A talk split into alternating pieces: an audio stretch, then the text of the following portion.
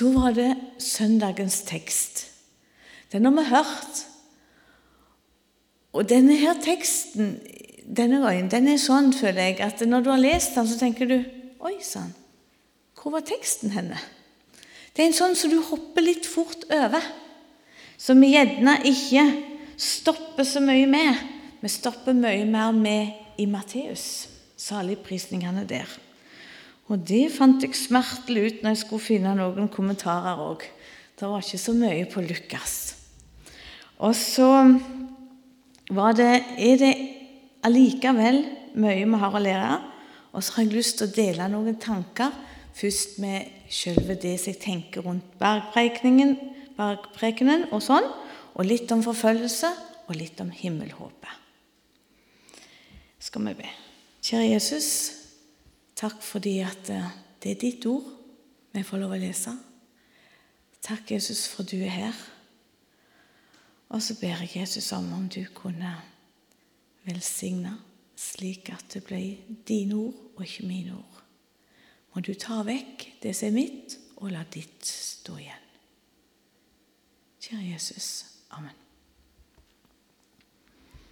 Nå skal jeg lese den en gang til, men nå er det på nynorsk, så da er det litt nytt.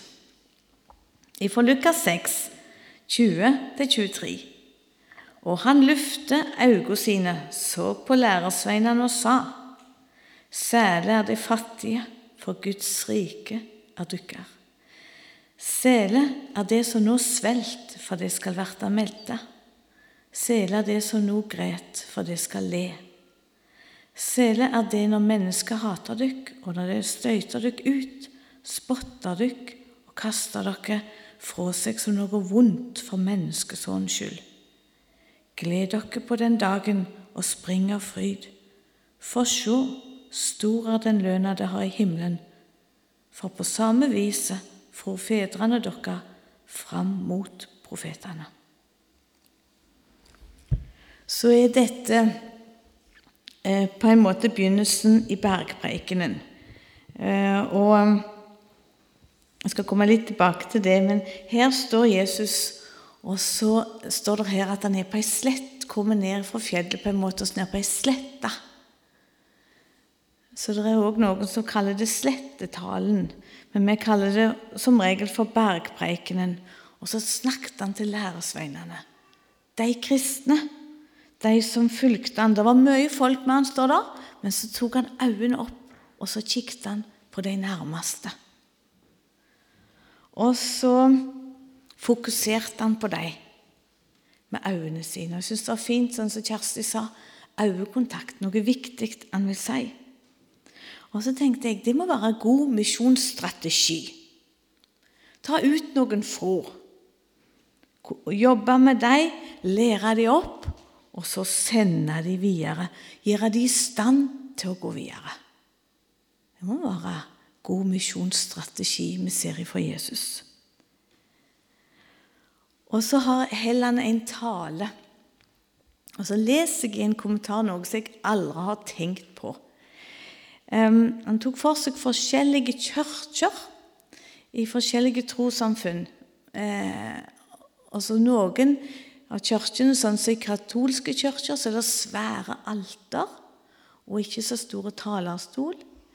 Eh, I noen av kirkene er talerstolen og alteret omtrent like mye fokusert på. Mens i noen av våre kirker så er det bare en stor talerstol. Og så var det skrevet det at det var noen, som hørte meg, mens av og til måtte vi se og um, få det mer den veien. Så det var litt med hva vi fokuserte på for noen trossamfunn. Eller for noen av Ja, at det var mest med på det vi hørte, og gjerne noen fokuserte mer på det du kunne se. Så men Jesus gjorde mange under. Det ser vi i teksten før her. Så har han gjort alle friske, står der. Men han fokuserte mest på å tale, underviste og lære sine. Det var en sånn tanke som jeg syns var litt sånn fin. Så neste gang jeg går inn i ei stor kirke, så kommer jeg sikkert til å se etter om talerstolen eller alteret er størst. Ta det med deg, og så kan vi tenke på at Jesus han brukte mest tid på å lære dem og, tale, og undervise. Og Så var det en ting til. Når Jesus begynte å preike her, så tok han på en måte verdiene, verdibegrepene, og så snudde han de litt på hodet. Hvis vi tenker på det som var vanlig i verden, så var det bare stort å være rik, det var stort å være mette og le og ha det godt på den måten, og i dette livet. Og så kommer Jesus, og så snur han det på en måte helt på hodet. Og så snakker han om de fattige som er salige, og de sultne, og de som griner. Og så fokuserer han mest på evigheten. Himmelhåpet. Det vi har der, og ikke så mye i dette livet. Men også skal vi òg få være sele her. Og så tenkte jeg På en måte så tror jeg han vil få oss inn på at vi ikke kan måle det med vanlige målestokk. Vi er tatt ut, og verdiene skal være annerledes i våre liv. Så tenkte jeg er, vi, er jeg slik at jeg er en motkultur nå? Så er det veldig enkelt å nevne materialismen. sant? Hvordan, bruker, hvordan jeg bruker tida mi. Um, er jeg en motkultur? Jeg tror Jesus snakker inn til oss og sier Du, disse verdiene har jeg lyst til dere skal fokusere litt annerledes på. Og så sier han sele er de fattige, salige. Og nå har jeg lyst til å lese noe som sto her. Det å være salig har flere betydninger samtidig. Det å være velsignet, glad og lykkelig, veldig heldig, privilegert og favorisert. Og jeg har blitt prenta inn ifra Fjellhaug, tror jeg, at det å være salig det er den høyeste form for lykke. Og det er uavhengig av skiftende forhold rundt oss. Himmelen over vårt liv som et svakt siv, synger vi. Det er noe som vi kan være salig tross alt. Høyeste form for lykke. Og Så løftet han øynene opp, og så så han på læresveinene og sa han, Sele er det fattige, for Guds rike er deres. Så fokuserte Jesus på de fattige. Ofte gjorde han det. Det gjorde de første kristne òg.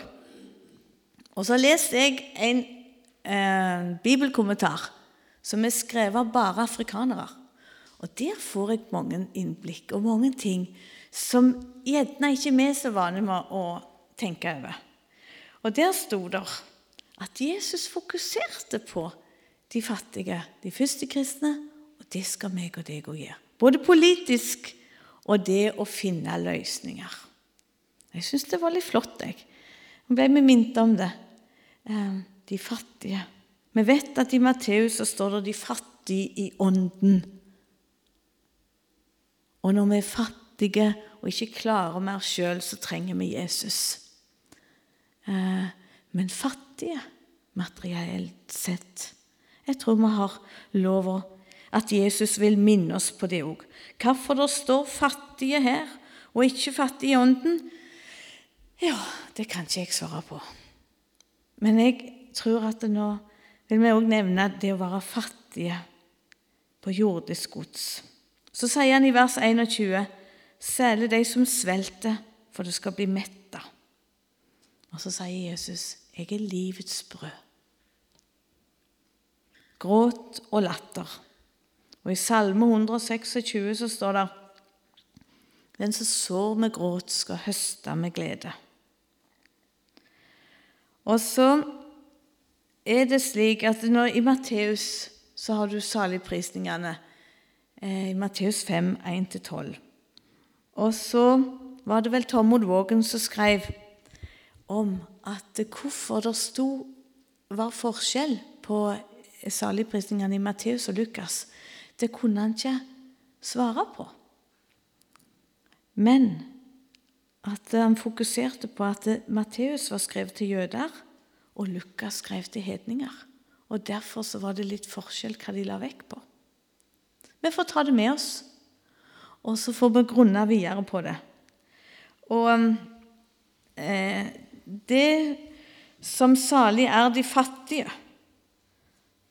Kommer alle de fattige inn, ja, da ligger vi tynt an. Det er ikke noe sosialt, eh, sosialt gospel, ja. Mm -hmm. Sosialt evangelium. Der alle de fattige kommer inn. For husk, Jesus snakker til de kristne. Han snakker til læresveinene sine. De som gjerne hadde forlot alt og ikke hadde noe der de var. Og så snakker han til dem, og så sier han Salige er de fattige. Jeg tror de hadde forlatt det meste. Ikke alle, men de fleste. Og så får han si det. Salige er de fattige. Om du har prøvelser, om du svelter, om du er fattige, så tross alt så skal du få være salig, Guds barn, tross alt. I alle ting, i alle prøvelser. Når du blir hata av mennesker. Hata fordi vi ikke er av verden, sier Jesus i Johannes evangeliet. Og når vi ser på både det å være fattig og det å svelte og det å bli hata, så tenker vi jo på, ja, på noen som har det vondt og blir forfølgt. Og så har jeg lyst til at vi skal ta med oss eh, Johannes 16, 16,2. Der står det at de skal støyte dere ut av synagogene. Det kommer ei tid da hver den som slår i hjel, skal tro at han tjener Gud med. Det har jeg tenkt mye på. Um, de skal støte dere ut, og det kommer ei tid da de som slår dere i hjel, skal tro at han tjener Gud med det. Det er sterke ord. Så når vi sier og det forfølgelse det er så mye nå, det står det om i Bibelen. Det står at det skal skje. At de skal tro at de gjør Gud en tjeneste når de dreper en kristen. Og Da tenker jeg på Abdi Wali, en kristen somalier som vi kjente fra Kenya. Han eh, bodde oppe mot nord øst, eller var der han var mest. Men han hadde vært en del ute og reist i andre land og var mye med ungdom i oppdrag. Hadde hatt mange kamper opp gjennom. Vi møtte han på kysten et par ganger. Da hadde han blitt tatt ut fra det området han bodde i. Og så måtte han ned til en annen base av ungdom i oppdrag for å puste. For de sto han etter livet. Dette er mange år siden. Han eh, var gift med ei fra Vest-Afrika, og mm, jeg tror det er tre-fire unger de har. Eh, han sto på, hadde undergrunnsbibelgrupper og, mm, og kirka på en måte sto på, men han visste at han levde i livsfare. Vi traff han òg på sånn kamelnettverksmøter eh, for å nå der han var med, for han ivra etter å nå inn til sine egne til somalifolket og til andre muslimer. Og Han var født og oppvokst i Kenya, så han var kenyaner. Han fortsatte med det, og Ivra var en flott evangelist. Og så var det nå i, i vår Nå datt datoen ut, men ja, ja. Det var for ikke så forferdelig lenge siden. Så var han fortsatt i tjeneste i Kenya, oppe i Garissa og var med en kenyansk annen pastor. Og så kjørte de i bilen, og så kom det noen og bare skjøt han ned på åpen gate. Drepte han fordi at han hørte Jesus til. Den kenyanske presten Han var jo kenyaner, Abdi òg, men han var egentlig somalisk kenyaner. Og den andre han ble, ble såra og skada, og jeg tror at han kom vel over det, mens Abdi ble drept. Der sitter kona igjen eh, med hun og ungene. Han ble drept, og jeg tror at de som drepte han, trodde de gjorde Gud en tjeneste. Fordi at de rydda denne vantro av veien. For han hadde gått vekk ifra islam, og da skal de drepe han. Det er dødsstraff. Og det tenkte jeg, det står jo i Bibelen. Det kommer ei tid og hver den som slår dere i hjel, skal tro at han tjener Gud med det. Det står. Og så står det en ting til her. Eh, når de støyter dere ut og spotter dere og kaster navnet dere fra seg som noe vondt for menneskesons skyld. Ære og skam. Eh, vi møtte en som eh, bodde en del med oss nede på Sambreni når vi bodde der. Han heter Adam. Mora, når han kom hjem til mor så ut forbi på porten der, så lukket hun igjen. For han var død for henne. For han hadde vært muslim, og de var muslimer. Og så var han tatt imot Jesus. Så fikk hun en sønn til. Og vet du hva hun kalte han? Hun kalte han Adam. Fordi at han som hun hadde født, han var død. Det må være å kaste navnet dere fra seg som noe vondt. Altså, han, han heter Adam, hadde en sønn som het Adam, men han var som død for henne. Og så, når hun fikk en ny, så kalte hun det samme navnet. Selv om den andre levde og ville så gjerne ha kontakt med mor. Men han fikk ikke fordi at han hørte Jesus til. Og så står det jo i 1. Um, Peter Jeg tror vi må lese dem.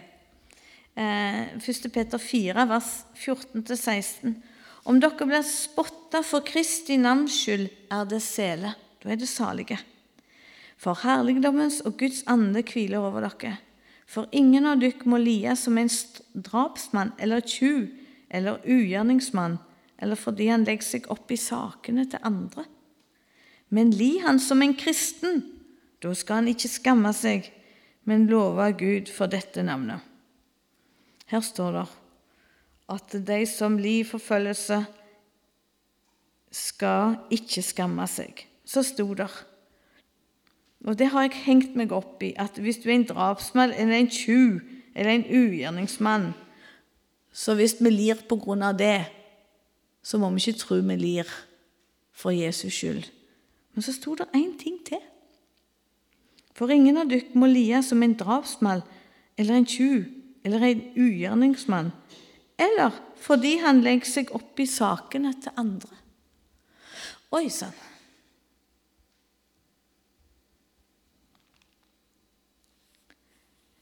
Fordi at vi tutler baktale og snakker om andre og kommer opp i trøbbel.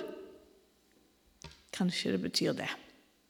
Hvis vi lir for det, da har vi kommet opp i det sjøl. Men lir han som en kristen, da skal han ikke skamme seg, men da var Gud for dette navnet. Hold motet oppe. Var glade når det kommer i forfølgelse, står det i Jakob. Og så har dette skjedd før. Det er ikke noe nytt. Um, gled dere på den dagen og spring av fryd. Det er ikke så mange, tror jeg, av oss som tar og hopper når vi får en dødstrussel fordi at vi hører Jesus til. Gled dere på den dagen og spring av fryd, for sjå, stor er den lønna det har i himmelen. For på samme viset for de fram, for fedrene dere fram mot profetene. Og når Stefanus ble steina, så ble de ekstra sinte og begynte å steine når han fortalte om, minte de om, hva forfedrene deres hadde gjort med profetene. Da steinte de Stefanus.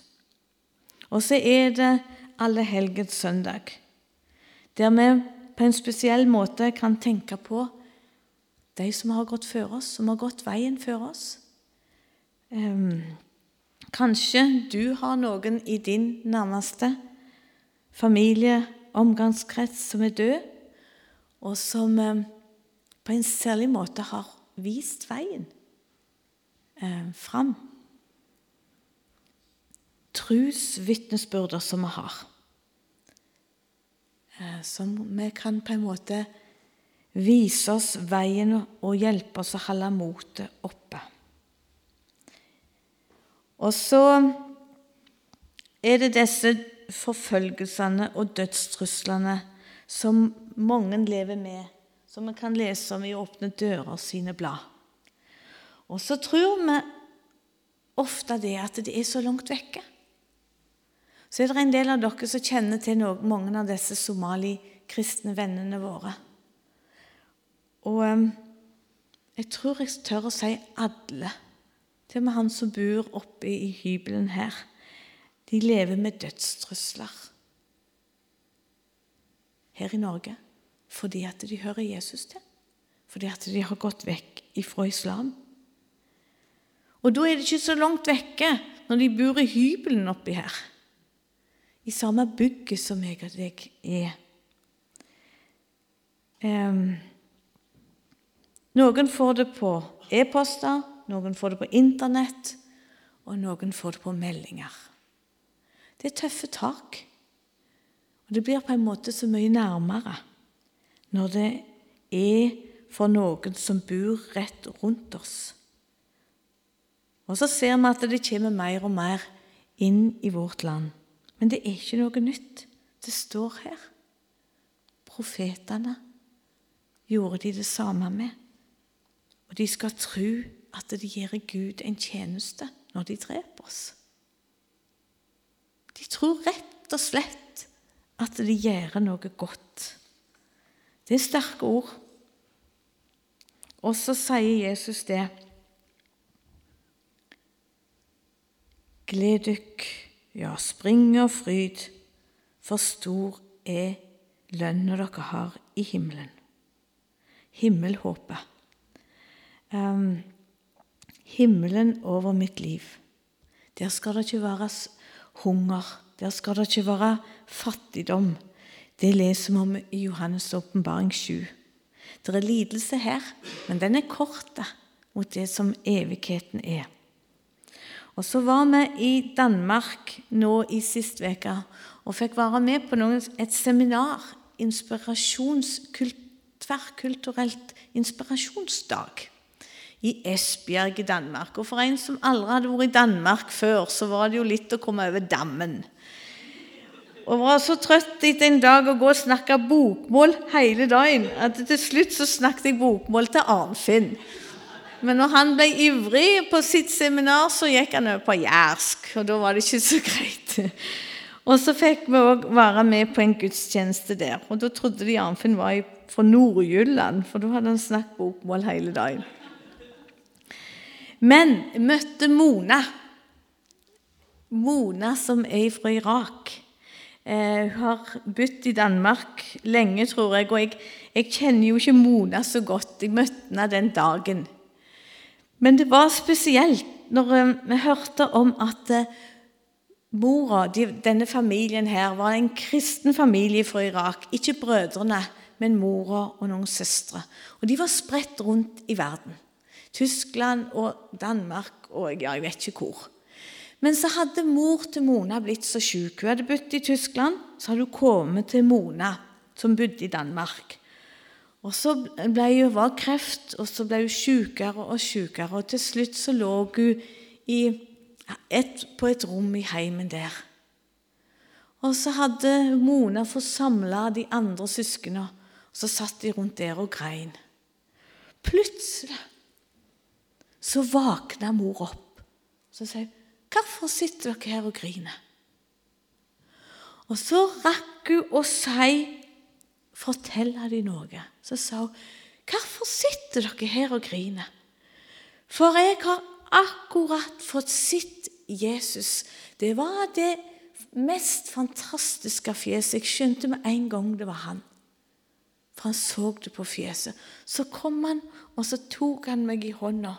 Og så gikk vi opp igjen, og så sa han Hadde det vært et hus der, så han sa Her skal du få bo. Og så gikk meg og Jesus tilbake igjen. Og så våkna hun, og så fortalte hun dette til ungene. Og så flytta hun. Så for hun hjem til Jesus. Og jeg tenkte Oi! Det var litt godt for meg å høre om himmelen. Hun så, For det første så, så hun Jesus. Så fantastisk han var. Hun var ikke i tvil om at det var Jesus, for ansiktet var så flott. Og så hadde han vist henne hvor hun skulle få bo. Og så Hvorfor griner dere? Og så fikk hun flytte. Og da står det i leseteksten for i dag, den ene i Hebreerbrevet 11, så står det um, i vers 16.: Men nå er det et bedre land de stunder etter, det himmelske. Derfor skammer ikke Gud seg over deg, over over å verte kalla dere Gud, for han har gjort en by ferdig til deg. Så tenkte jeg, når hun hadde sitt huset, så tenkte jeg uff da, var da det helt bibelsk? Og så leser jeg her, så står det at Det står jo at han skal lage et rom til oss.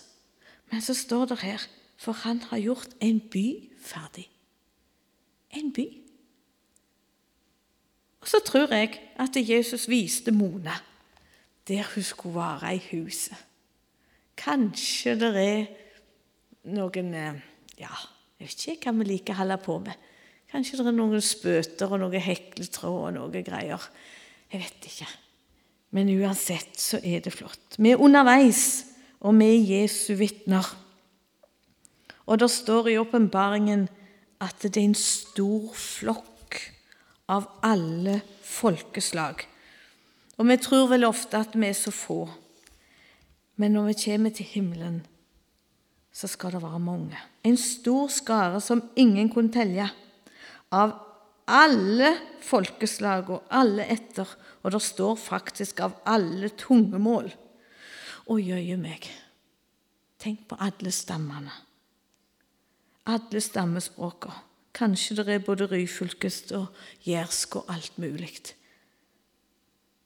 De sto framfor trona lammet, kledde i hvite kjortler med palmegrener i hendene. Og så er det himmelen. Alltid, alltid, alltid, alltid ha det godt. Og jeg har tenkt på det siden jeg var liten. Det motsatte blir alltid, alltid, alltid, alltid, alltid ha det vondt. Det klarer jeg ikke å forstå. Det er Det er så grusomt med fortapelsen at jeg klarer ikke å ta det inn over meg. Hadde jeg gjort det, så hadde vi vel sprunget ut og rista alle i Sandnes gater og sagt nå må dere komme til Jesus. Men så tenkte jeg Jeg holdt på litt med den teksten at tenk om jeg kunne få bli mer himmelvendt. Og etter hvert om mor til Mona, så kjente jeg det enda mer. Hvis jeg får være litt mer himmelvendte så tror jeg at alvoret med de som ikke tror på Jesus, blir sterkere for meg. Og så var det meg og Monira en dag i bilen. Så snakket vi om og, ja, at kanskje Jesus kom igjen. 'Å, halleluja', sa hun. Så sitter jeg Jeg håper han venter litt, så jeg får nytta huset litt til. Altså, Det var min første tanke. Hvordan er det med deg? Den ene sier halleluja, hun har prøvd litt mer forfølgelse eller meg. Mens jeg kjenner på den der Kunne tenkt å kose med Kima i huset litt til. Og så har jeg Hvor er himmellengten? Hvor er himmelvendtheten, himmelen over mitt liv? Det ble ei bønn for meg at jeg måtte få lov å være enda mer i himmellengten. Eh, for da tror jeg at det vi ser mer alvoret med de som ikke er med på den veien. i Jesus. Jesus han ønsker at meg og deg skal ha noen andre verdier, være en motkultur. Og vi er underveis. Vi er salige, den høyeste form for lykken, lyk uansett hva som møter oss. Om vi så havner i fengsel, om vi så må dø for at vi tror på Jesus. Himmelen over mitt liv. At jeg måtte få lov å ha, være mer himmelvendt. Det ble min bønn etter å ha jobba med denne teksten. Ehm, at jeg kunne få lov å lengte enda mer fram til å se Jesu sitt ansikt og være med han for alltid, alltid, alltid. Kjære Jesus, takk for det at du døde for meg og tilgir meg mine synder, slik at jeg kan få være salig, alltid salig og meg alltid glad, går jeg veien hjem til Sions stad. Og så ber jeg Jesus Jeg har lyst til å be for de som lever med trusler hele veien. Må du være med dem og gi dem din fred og din himmellengt. Og Jesus, så ber jeg for oss her inne at vi må ha den himmellengten slik at vi får flere med oss på veien, og at vi alltid er klar for å komme hjem til deg. Takk, Jesus for at du har lagd en by til oss. Du har lagd et rom, og mest av alt, vi skal få være med deg. Og der skal alt være godt. Så ber vi for deg som vi så gjerne vil ha med oss på veien. Så ber jeg Jesus om at du må la ditt ord få virke.